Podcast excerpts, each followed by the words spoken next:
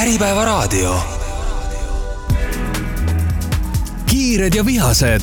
saade ambitsioonikale ja julgele ettevõtjale. Gazelli liikumist toetavad AJ Tooted, Finora Pank ja GBC tiim tere, armsad Äripäeva raadiokuulajad, eetris on saade Kiired ja vihased ja mina olen saatejuht Aljona Staadnik. nagu ikka kombeks, saade Kiired ja vihased on pühendatud Eesti kõige kiiremini kasvavatele ettevõtetele ehk gasellidele. ja veebruarikuu ongi meil gasellikuu, et äh, alles oli siin kolmapäeval gaselli kongress, kus sai õnnitleda värskemaid gaselle ja täna mul saatekülaliseks väga omanäoline gasell, et ta oli eelmisel aastal kaheksandal kohal gaselli edetabelis ja üks väga-väga-väga vähesed, kes jõuavad edetabelisse oma erialaga või oma tegevusalaga, selleks on House galerii ehk siis kunstigalerii omanik Piia Ausmann, tere Piia! tere! Ja no muidugi, et üldse me alati väga väärtustame ka selli ettevõtjaid, siis ainult üks protsent Eesti ettevõtlusest jõuab ka sellideni, jõuavad kasvatada oma käibet ja kasumit ja teie puhul on huvitav see, Piia, et tegelikult äh, kunstigalerii on olnud turul kakskümmend seitse aastat, kakskümmend seitse aastat, päris pikalt. Ja eelmisel aastal olite ka sel aasta nüüd möödas, no kuidas on, kuidas aasta nüüd pärast seda, kui tiitli kätte saite, kuidas on muutunud, mis põnevat on toimunud? no minu jaoks oli muidugi see tiitel äärmiselt ootamatu, sest et ma ei ole kunagi tiitlite peale mõelnud ja ei ole kunagi seda ettevõtet ka sellest vaatenurgast edendanud ega arendanud, et see jõuaks mingisuguse sellise tiitli, rekordi või millegi taoliseni. pigem on minu jaoks olnud läbi kõikide nende pikkade aastate äärmiselt oluline selle kunsti kui missiooni edasikandmine ja kunstiga tegelemine tema sisulistest aspektidest. aga äh, ettevõtte võtmes sellest rääkides ma pean muidugi ütlema, et ma olen kogu aeg uskunud sellesse, et kultuuriettevõtted, antud juhul siis äh, minu galerii, mis on ju selgelt kunstiettevõte, peaks suutma ennast äh, ise finantseerida ja ta võiks olla äriliselt siis nii-öelda edukas. ja mida ma läbi nende aastate olengi teinud, mis on minu jaoks olnud rekord või minu jaoks selline mõõdupuu, et ma olen suutnud kunstist pidevalt nii-öelda nagu doteerida kunsti et ühtepidi me oleme kunsti edukalt müünud, eriti viimastel aastatel läbi kunstioksjonite, aga see oksjonite positiivne ja oluline fenomen, mis on siis toonud sellist majanduslikku ja rahalist tulu, on teisalt kogu aeg tagasi pööratud näitustesse, võib-olla vähem tulu toovatesse või üleüldse mitte tulu toovatesse kunstiprojektidesse, selleks, et ka seesuguseid projekte orbiidil hoida. Sest mitte alati ei ole ju nii, et sa teed ühe kunsti kunstinäituse ja see ilmtingimata müüb ja sa ilmtingimata saad sealt oma töötulu või kasu nagu tagasi. Ja House galerii poliitika ongi siis olnud äh, selline, et me tegelikult oma kunstnikele pakume tasuta mm, näituse tegemise võimalusi, kuigi see on äh, teada fakt, et äh, kunstigaleriid, kunstisaalid üldjuhul või väga enamikel juhtudel on tasulised ja see art management nii-öelda võib olla ka kunstnikule tasuline, kui ta ühe näituse kusagil korraldab, siis meie juures on see oma kunstnikele tasuta ja selleks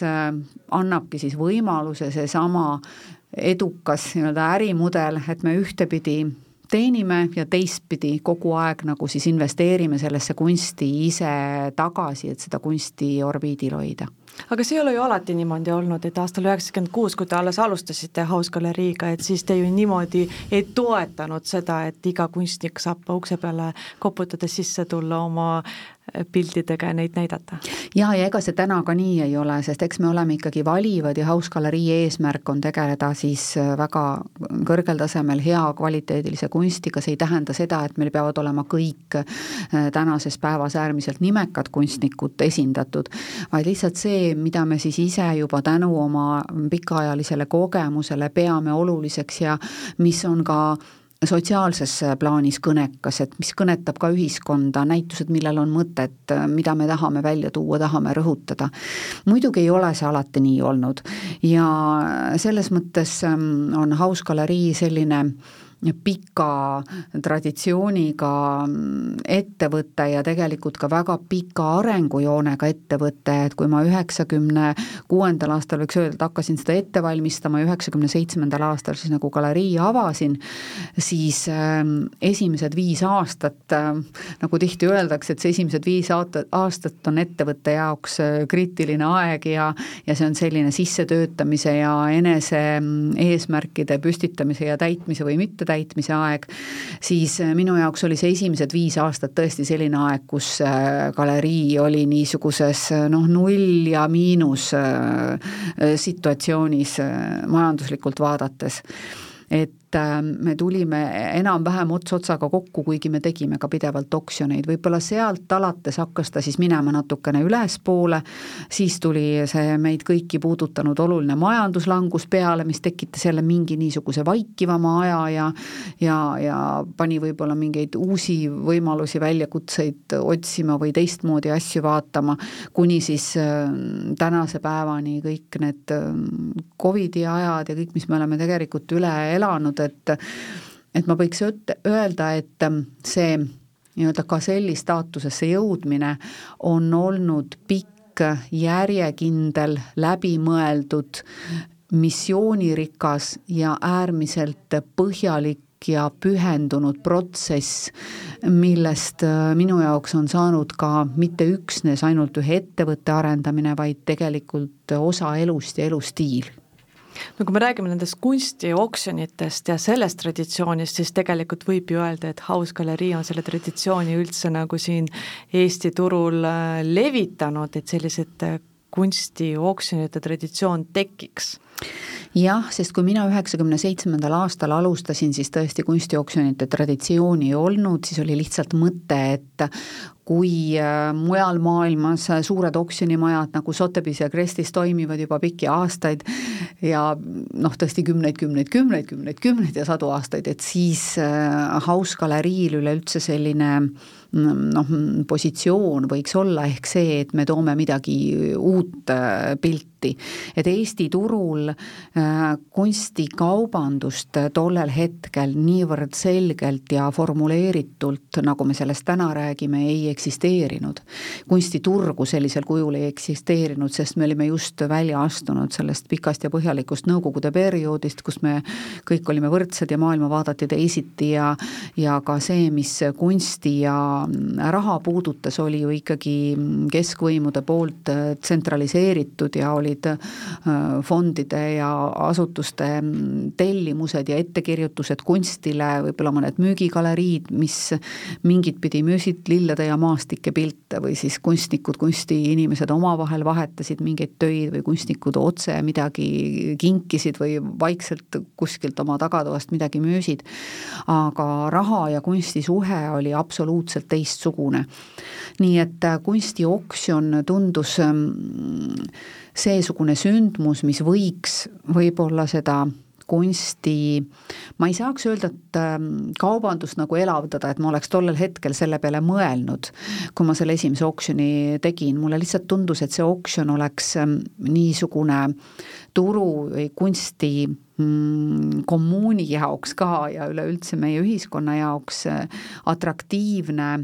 vahend, kuidas kunsti äh, laiemale publikule teadvustada ja et läbi nende oksjonite me tegelikult ka saame ju kohe selle äh, vastureaktsiooni, et mis inimestele meeldib, mis neile ei meeldi, mida nad ostavad, mida nad ei osta, kus me nagu sellel liinil paikneme mm, millisena me oleksime valmis oma seda kunsti vastu võtma. ja tegelikult see oli eh, esimete, esimeste oksjonitega ikkagi väga eh, selge, et mis publikule meeldib, üks oli, asi oli see, mida mina arvasin, teine asi oli see, mis tegelikult toimuma hakkas, siis kõik need kohanemised, et noh, minu arvamine ikkagi esimest oksjonit korraldades oli selline, et noh, ma seda reaktsiooni ootasin kõige rohkem, ma ei mõelnud sellel hetkel selle raha peale. ma olen, ma olen sellesse rahasse ja sellesse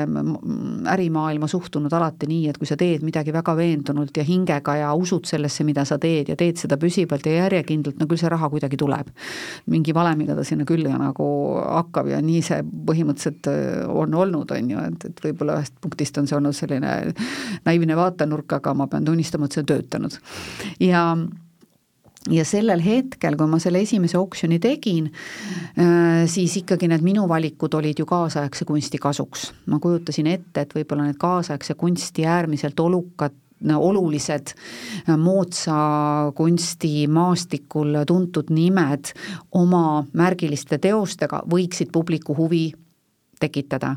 ja teosed, mis on olnud erinevatel ähm, ka näiteks graafika puhul, graafikatriennaalidel, biennaalidel esindatud, mis on kusagil reprodutseeritud, mis on olnud hiljuti näitustel, mis on kunstnike jaoks olulised, et siis valida selline kogum äh,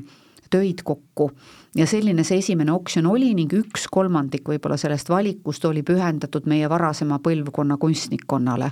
ehk siis sellele kunstnikkonnale, kes alustas oma kunstiõpinguid ja teadlikku kunst, ideed kusagil kahekümnenda sajandi esimestel kümnenditel ja hästi suure rõhuga siis äh, Pallase kunstikoolile. Aga publiku huvi järgi selle esimese oksjoni vastu selgus, et see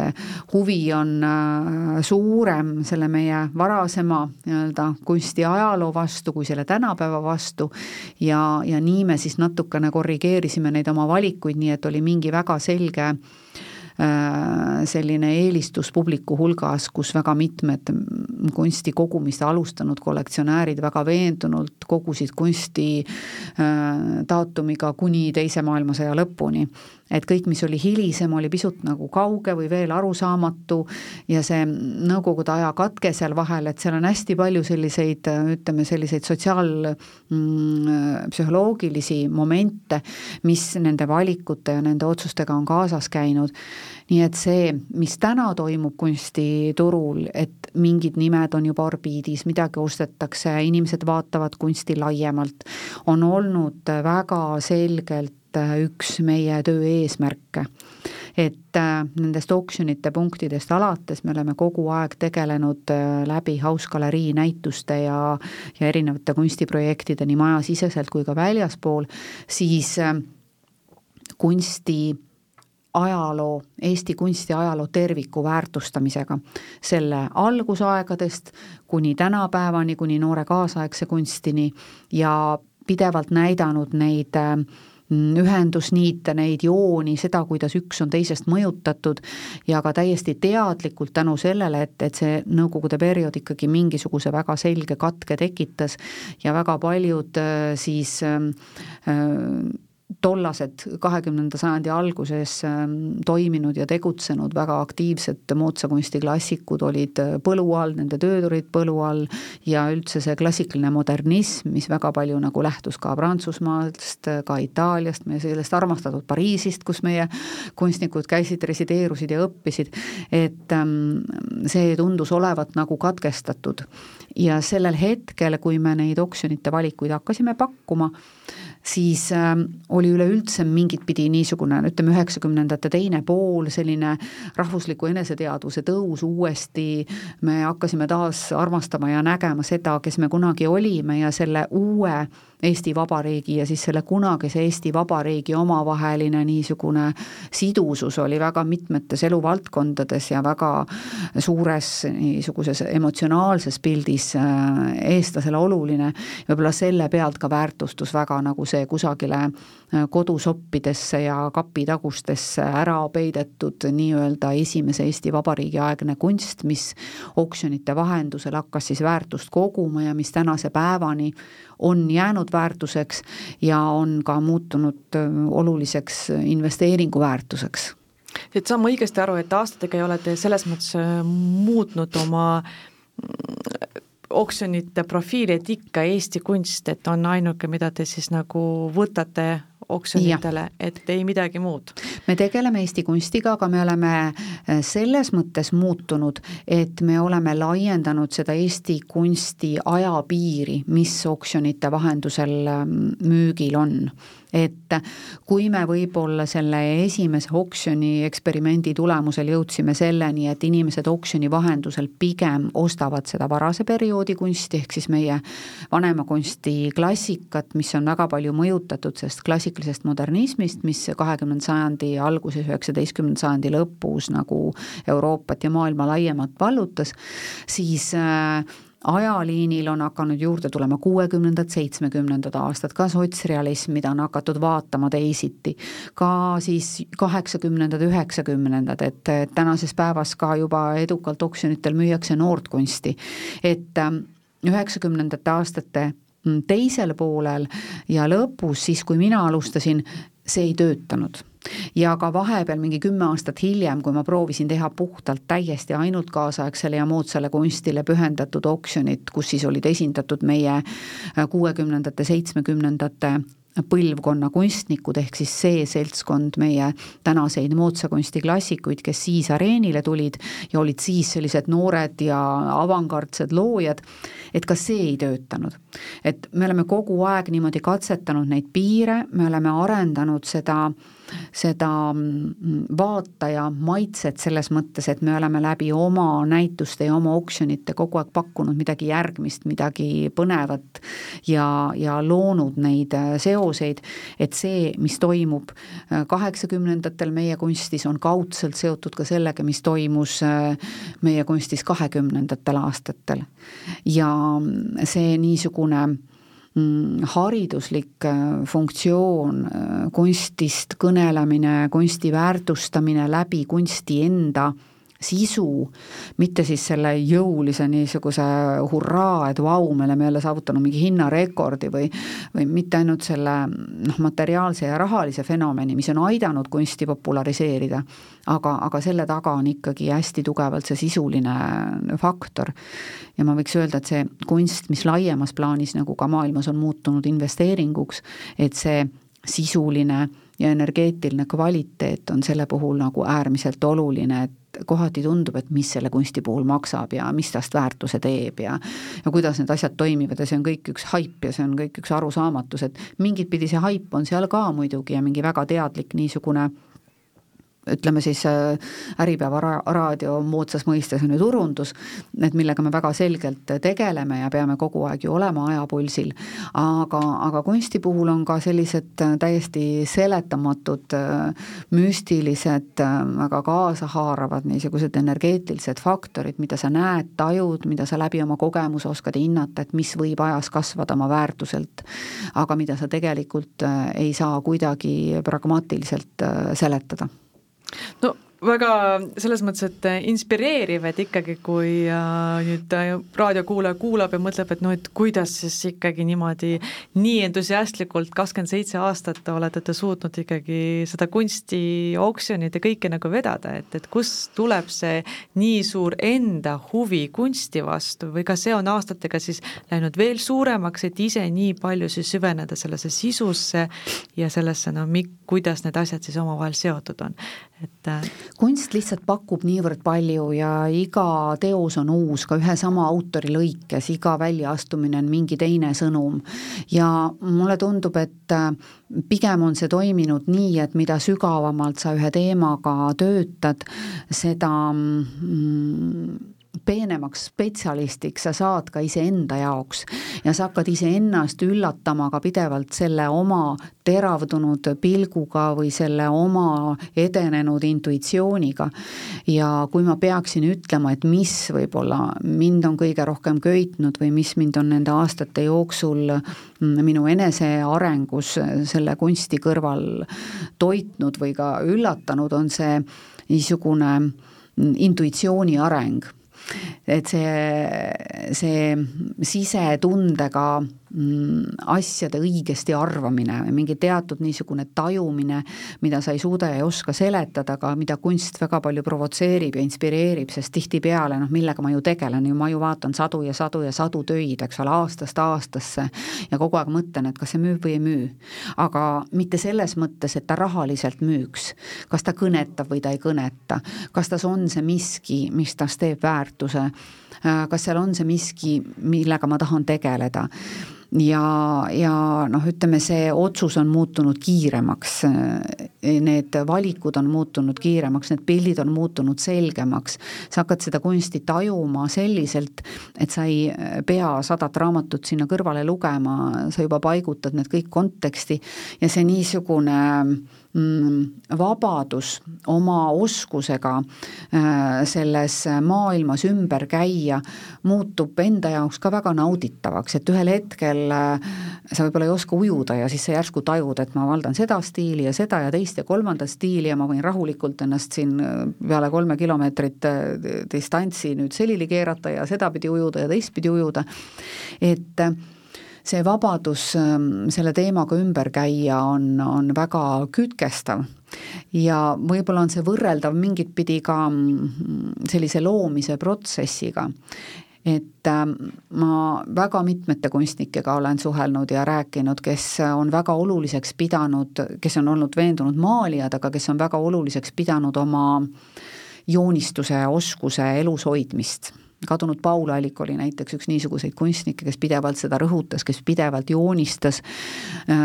öeldes, et äh, kui ma olen juba suure lõuendi ees ja hakkan maalima mm, enda jaoks mingit olulist äh, mastaapsemat kompositsiooni, siis ma ei taha olla kammitsetud sellest oskuse puudumisest või sellest, et ma hakkan mõtlema, kas mul see käe või jala proportsioon siin selle figuuri juures ikka on õige või ei ole, et ma pean selle tegema niisuguse mõnusa ja vaba tundega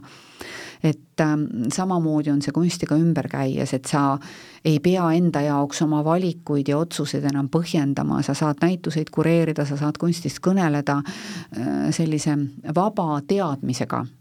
mis ähm, kuidagi ei ähm, peaks kõnelema nagu mingist edevast eneseupitamisest, aga mis on pigem just selle mm, pika ja põhjaliku ühe ja sama teemaga tegelemine, et selles mõttes ma nagu ettevõtjaid või kas või ka alustavaid ettevõtjaid väga palju julgustaksin, et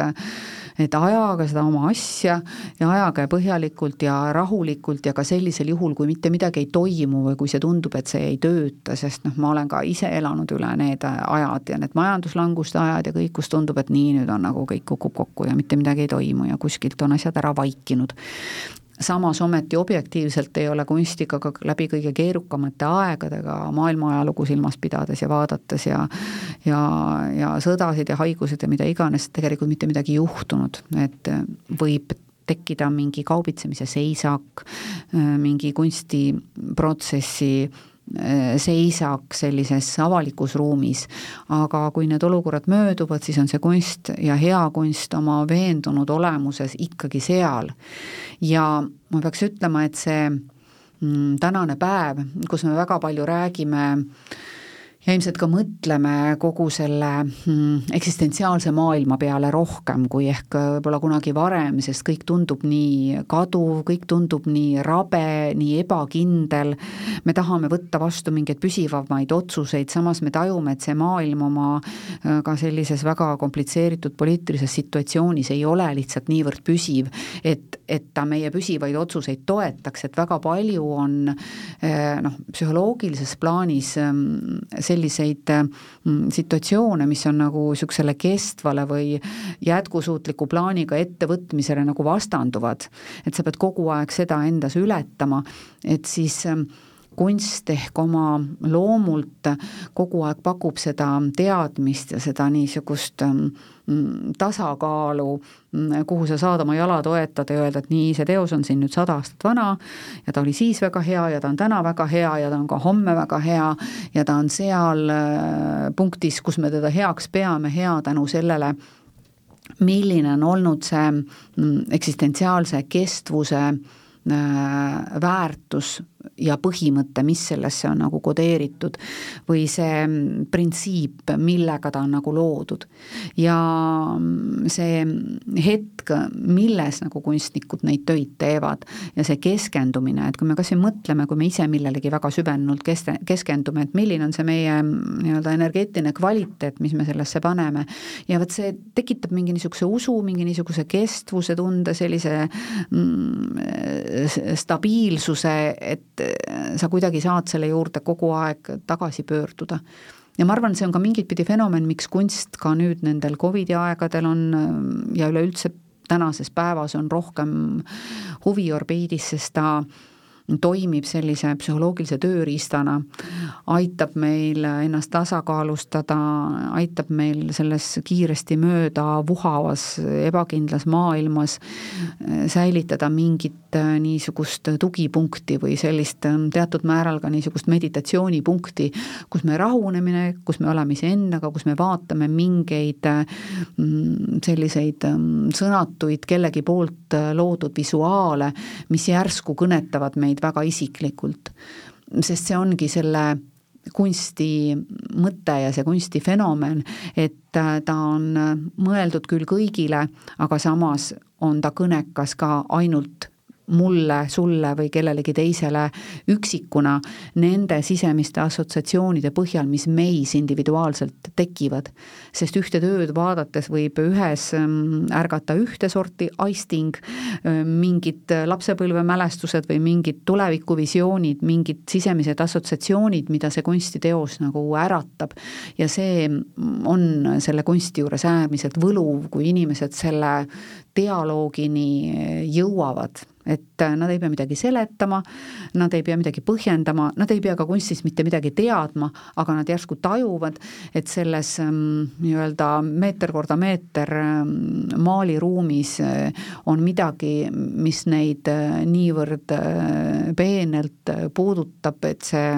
muutub neile kuidagi möödapääsmatuks omada neid teoseid siis oma kaaslastena saan ma õigesti aru, et, et see on, et see sõnum on ka jõudnud tegelikult ka inimesteni, et nad tõesti tulevadki, et kui nad lähevad mööda, näevad galeriid, et nad astuvad sinna sisse, sest nad on, nad on aru saanud, et see tõesti kuidagi mõjub neile teraapiliselt ja käivadki lihtsalt vaatamas, me ei räägi praegu rahast ja ostmisest, on ju, vaid just see nagu teraapiline pool see on äärmiselt oluline kunsti juures olnud ja me oleme ka neid nii-öelda lõpptulemusel siis äh, läbi raha mõõdetavaid kunstioksjoneid ju serveerinud selliselt, et me mm, koostame sinna mingi äärmiselt väärtusliku teoste valiku, mis on äh, vaadeldavad ja külastatavad kõigile et kõik saavad uksest sisse astuda, meie näitused on tasuta, nad saavad nende töödega suhelda, vaadata ja, ja see kunstihariduslik informatsioon, kõik need videod, kõik need podcast'id, kataloogid, äh, kõik on äh, kättesaadavad absoluutselt kõigile. et ütleme, seda oksjoni materjali me kasutame ka ära selleks, et seda oksjoni äh, nii-öelda kollektsiooni põhiselt äh, kureeritavat äh, informatsiooni inimesteni viia, et nad tõepoolest saavad sealt mingeid teadmisi, et ja, või mingeid tundmusi, ka need inimesed, kes tegelikult ei osta, sest et me ei saa selekteerida kunstiga suhtlemist äh, ainult äh, ostan, ei osta, olen klient, ei ole klient. et äh, see kunstisuhtlus on märksa laiem ja ka kunsti eesmärk on märksa laiem, nii et galerii on ühtepidi selline kunstiteatrilava, kuhu, kuhu kõik on oodatud seda kunstietendust vaatama. aga Piia, teater teie teater on tegelikult see märksõna, et kust see kõik alguse sai, et ei ole ju kuidagi selles mõttes päris kunstiga olnud ju seotud, et äh, rääkige see ajalugu iseendast. no seda küll jah, et võib-olla selline ütleme, kirjandustegevus ja teatritegevus on olnud äh, minu jaoks ehk esmane, et kõige rohkem mäletan ma ennast kirjutamas ja kirjutajana ja minu need raamatud ja ja luuletused on, on ka ilmunud ja neid on avaldatud, kuigi ma sellise enesemüügi koha pealt nagu hoian väga madalat profiili ja tegelen ikkagi rohkem kunstimüügiga. aga samas on see minu jaoks äärmiselt väärtuslik ja äärmiselt oluline oskus, et mind on juba lapsepõlvest saadik koolitanud kirjanikud ja ja et ma olen äh, saanud väga palju niisugust mm, kirjandusalast ja kirjutamise alast äh, haridust, mis annab mulle siis äh, sellise võimaluse ka kunstist kirjutada ja kunstist kõneleda ja rääkida nii et see oleks ähm, selge ja argumenteeritud. aga mingil seletamatul põhjusel juba lapsena ma ka sattusin näiteringidesse ja mulle kogu see teatrimaailm väga meeldis ja mulle just meeldis tegelikult see ähm, lavastamise maailm ja see etenduse lavale seadmise maailm, mida ma siis hiljem ka õppima läksin äh, Viljandi äh, Kultuuriakadeemiasse kus siis nüüd on juba mitmed ja mitmed teatrilennud, et meie olime sellel ajal selline esimene teatrilend võib-olla minu kursuselt ehk teatrisse on kõige nähtavamalt äh, jäänud minu kur-, kursusekaaslane Juhan Ulfsak, keda ilmselt kõik nagu teavad, aga mina teatrisse ei jäänud, me lõpetasime kooli üheksakümne viiendal aastal, siis oli kogu see situatsioon absoluutselt teine aga ometi õnnestus mul äh, selles maailmas nagu väga intensiivselt ja väga huvitavalt ähm, olla, nii et ma leian, et see on olnud üks väga praktiline ja väga inspireeriv äh, kool minu jaoks, mis andis äärmiselt äh, laiapõhjalise mm, humanitaarse mm, hariduse, sest me õppisime maailma ajalugu, kunstiajalugu, kirjandusajalugu, psühholoogiat, filosoofiat, et ähm, see kõik nii-öelda käis selle teatri tegemise juurde. mis mind selle teatri juures võlus, oli see, et ma tundsin, et näiteks ühte etendust lavale pannes või kas või siis tookord üliõpilasena sellega tegeledes ja sellele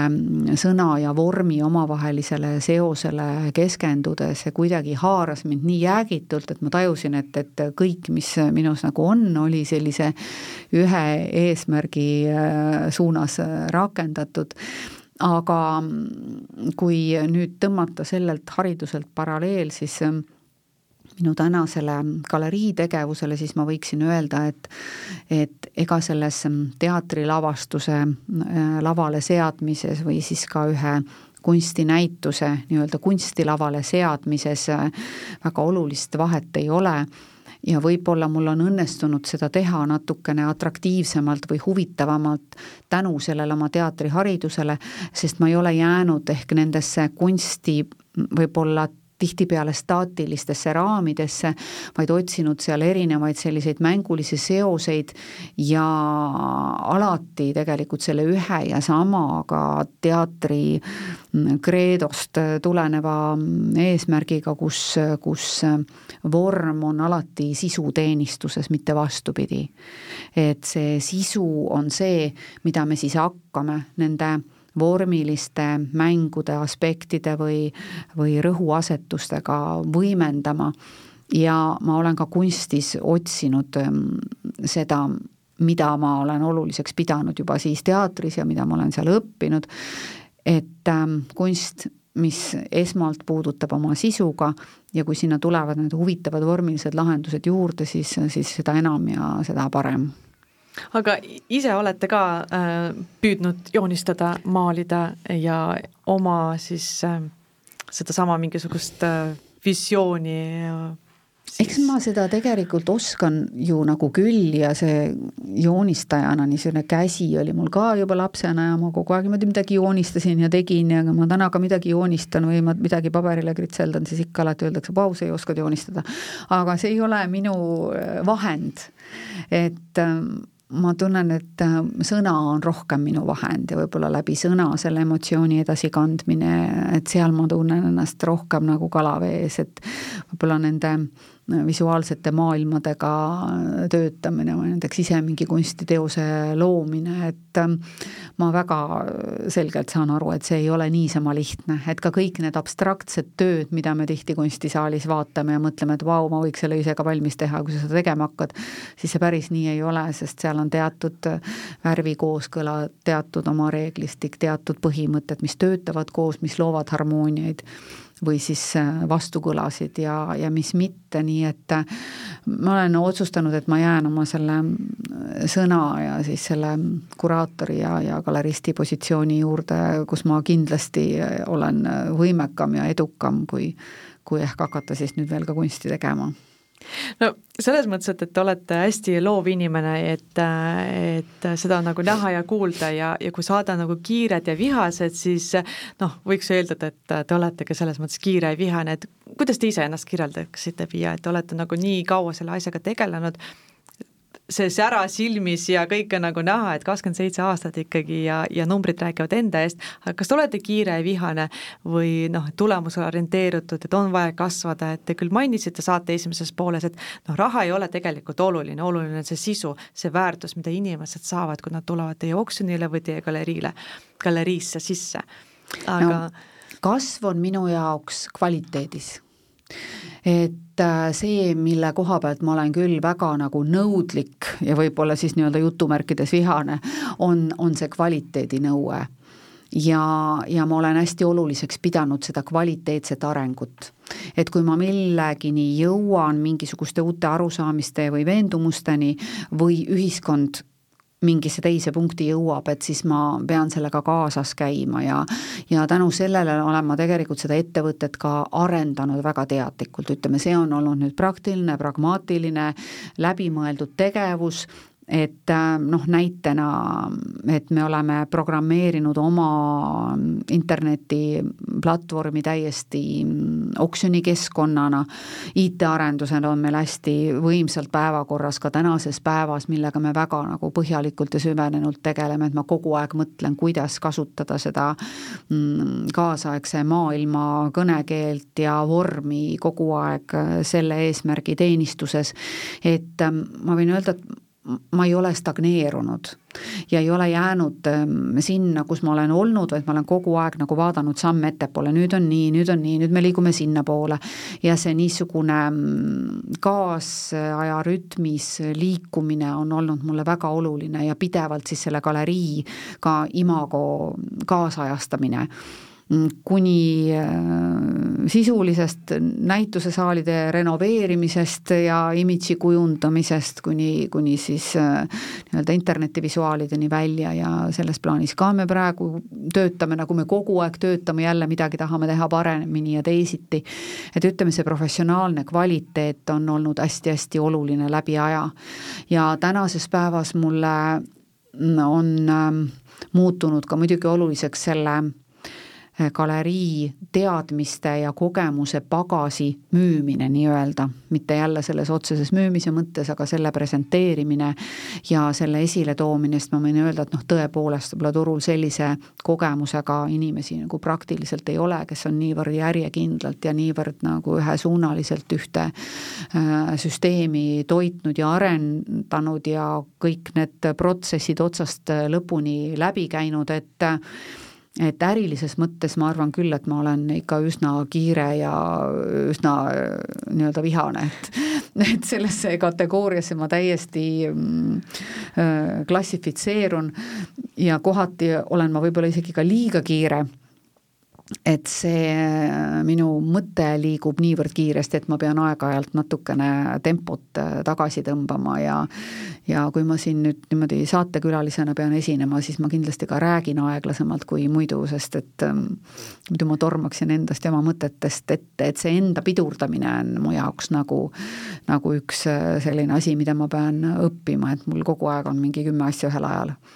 ja tundub, et galerii võiks olla ju niisugune rahulik, ilus keskkond, sa astud uksest sisse, muusika mängib, pildid on seinal, kõik on vaikne, kõik on tore, vaatad kunsti, aga see, et seda niisuguses kvaliteedis nagu presenteerida, nagu me täna, täna teeme, kus meil on tõesti videopresentatsioonid, kus meil on Spotify's podcast'id, kus meil on pidevalt nii-öelda kureeritud näitused ka väljaspool galeriid, me veel teeme koostööd näiteks ka Swedbanka üheteistkümnendal korrusel privaatpanganduse osakonnas on meil pidevalt äh, näitused, mis on ka päris selline tore, me oleme läbi aegade erinevates väljaspool galerii, galeriid toimivates ruumides samamoodi nagu erinevaid kunstiimidžeid kujundanud ja ja et siis see, et see noh, kõik on üks niisugune keeris ja see köögipool on väga kaugel sellest ähm, ideaalsest, ilusast, rahulikust äh, kunsti kujut-, Lelmast, et me oleme seal äh, tõesti niimoodi, et nagu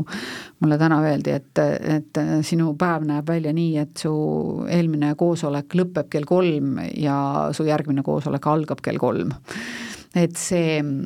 enda jagamine kõikide nende erinevate mm, vajaduste ja küsimuste vahel on mu jaoks muutunud tegelikult päris problemaatiliseks, sest ma tajun, et ütleme, see minu kogemus on lihtsalt niisugune, mis vajab nagu pidevalt erinevatesse protsesside sek-, protsessidesse sekkumist ja on väga paljud momendid, kus ma nagu noh, olengi nagu asendamatu, kus ma peangi selle vastuse andma, sest selle vastuse annab teatud kogemus. ja on ka teatud asjad, mida sa ei saa mm, ka galeriis, mul on mitmed abilised ja hästi tore meeskond ja tüdrukud on kõik toredad ja kogu see meie IT-pool ja arendus ja, ja see igapäevane management, mis, mis majas on ja kogu see art ja art management ja näituste Mm, korraldamise meeskond ja, ja kogu see filmi ja, ja video pool. Aga noh, siiski see on noh, nii läinud äh, suureks ja laiaks juba, et ähm,, et ähm, ma ikka hästi palju nagu multitask in, mida ma tegelikult nagu teha, teha, teha nii väga ei tahaks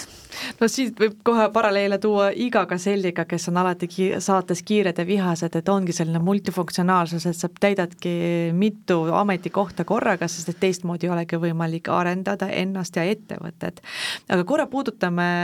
teemat ka investeerimine, et sest et investeerimine kunstisse on olnud aastate jooksul selline populaarne teema, me oleme Äripäeva raadio erinevates saadetes sellest rääkinud, et kuidas täna on, et kui ühel hetkel on niisugune endiselt arusaamatu majanduskeskkond, et kas täna aastal kaks tuhat kakskümmend neli endiselt investeeritakse kunsti ja milline on teie prognoos siis selleks aastaks, et kui, kui palju siis ikkagi inimesed panustavad juba kunsti kui investeeringusse? Kunsti on investeeritud kogu aeg, võib-olla tänases päevas me oleme hakanud sellest nagu rääkima selgemalt ja me oleme selle toonud välja kui alternatiivse investeerimisklassi, eks. ja ma olen ise ka sellel teemal juba loenguid pidanud House Galerii kodulehel ja Youtube'is on see, on see saadaval, kui inimesi lähemalt huvitab, et et selline tunniajane loeng sellel teemal, aga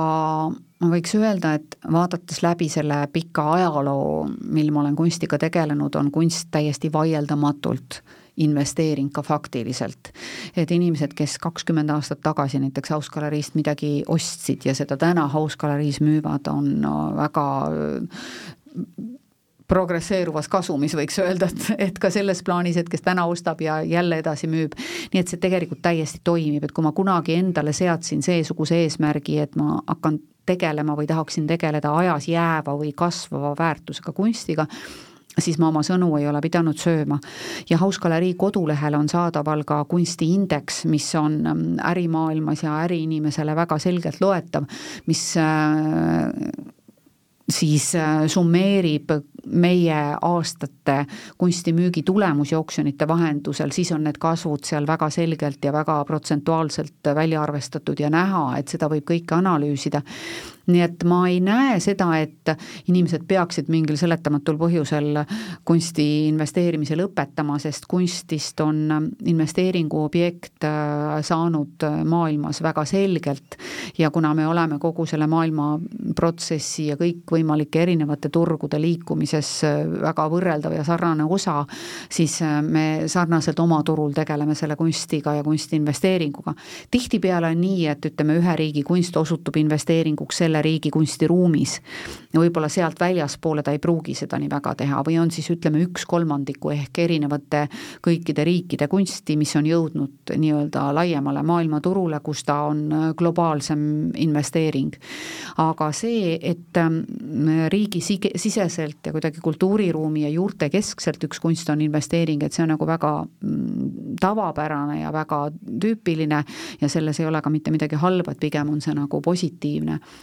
ma ei näe, et, et see oleks nüüd ütleme ka mingisugune selline kuidagi katkev protsess pigem või et ta oleks ka lõpmatuseni progresseeruv protsess, sest ükski protsess ei ole lõpmatuseni progresseeruv, et seal on omad mingid arengujooned ja omad mingid kõverad ja samamoodi oleme ka me kunstiga niisuguses rahalises äh, arenguplaanis läbi elanud erinevaid tõuse ja erinevaid mõõnasid, aga nagu ma noh, võin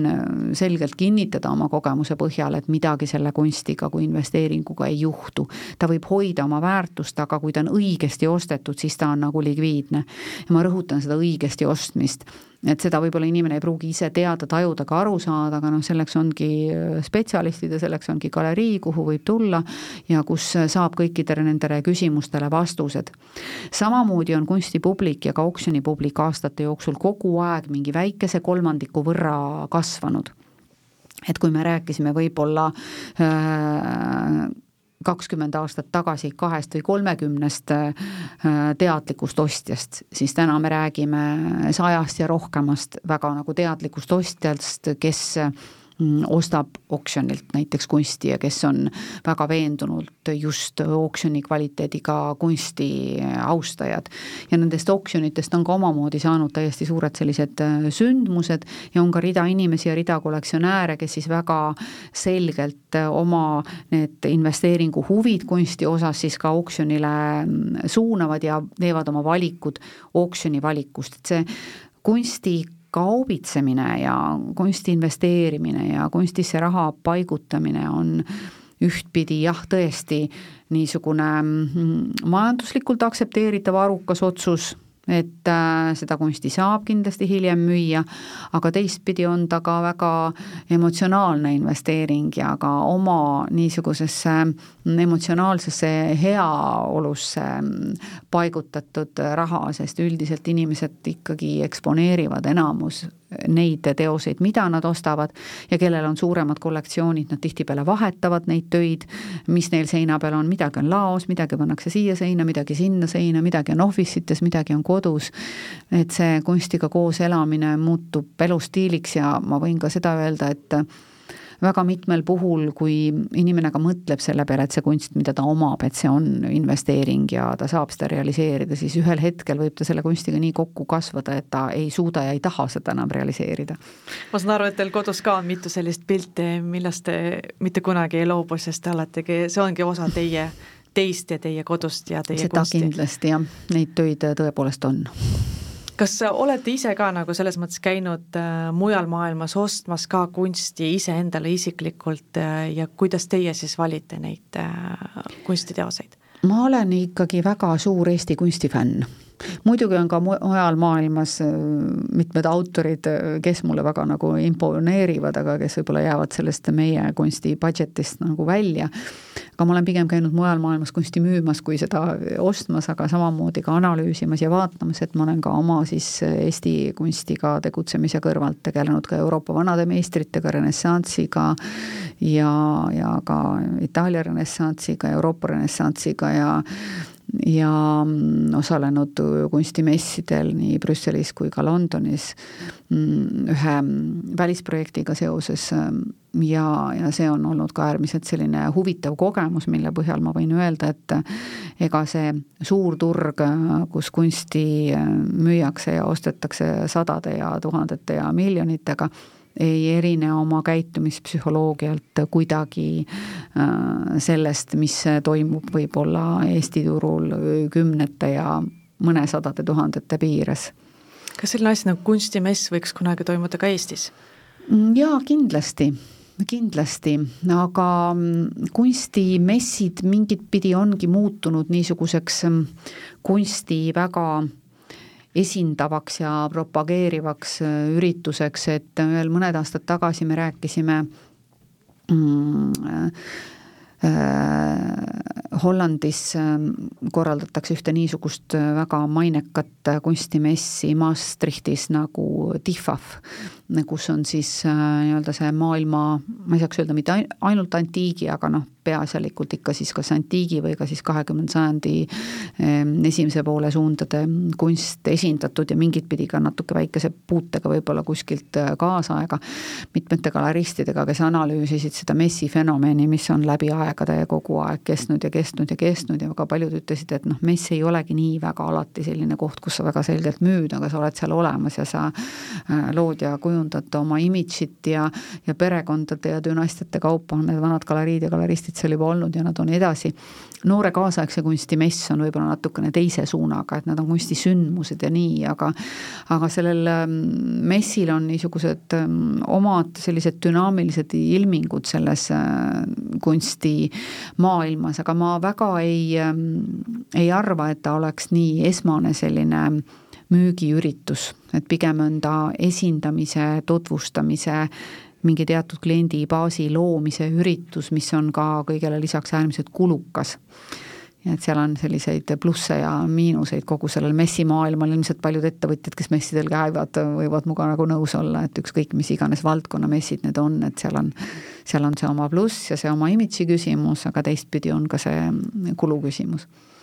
no saade hakkab otsa saama ja, ja ilmselgelt on olnud hästi põnev äh, kuulda, et kui palju kunst tegelikult pakub äh, inimestele, et äh, kui te peaksite nüüd ühe lausega ütlema meie raadiokuulajatele, et miks üks e-, ettevõtja peaks hakkama käima galeriides, siis mis see sõnum oleks? et kas see aitab kuidagi ärile kaasa, kas see aitab kuidagi hingele kaasa, kas see aitab kuidagi mingile muule äh, nüansile kaasa? ma arvan, et minu oma kliendid on sellele korduvalt läbi aegade vastanud, sest kui nad tulevad galeriisse, siis nad tihti nimetavad seda äh, seesuguseks oaasiks, kus nagu maailm jääks korraks seisma ja kus neil on võimalus korraks kuulata iseenda ja ka meie mõtteid ja võtta aeg maha, nii et see on see, mida kunst pakub. vaatamata sellele, et me seal taga ise peame olema kiired ja vihased, et seda situatsiooni kogu aeg värskena orbiidil hoida, aga kindlasti ta lõõgastab, ta pakub elule olulisi lisaväärtusi ja ta pakub ka lisaks sellele sedasama kõneldud investeeringuväärtust no selliste ilusate sõnadega tänane saade Kiired ja vihased lõpeb, mina olin saatejuht Aljona Stadnik ja külas oli House Gallery perenaine Piia Ausmann, kes oli eelmisel aastal ka selle edetabelis kaheksandal kohal. palju õnne veel kord ja aitäh saatesse tulemast! äripäeva raadio. kiired ja vihased saade ambitsioonikale ja julgele ettevõtjale. Gazelli liikumist toetavad AJ Tooted, Finora Pank ja GBC tiim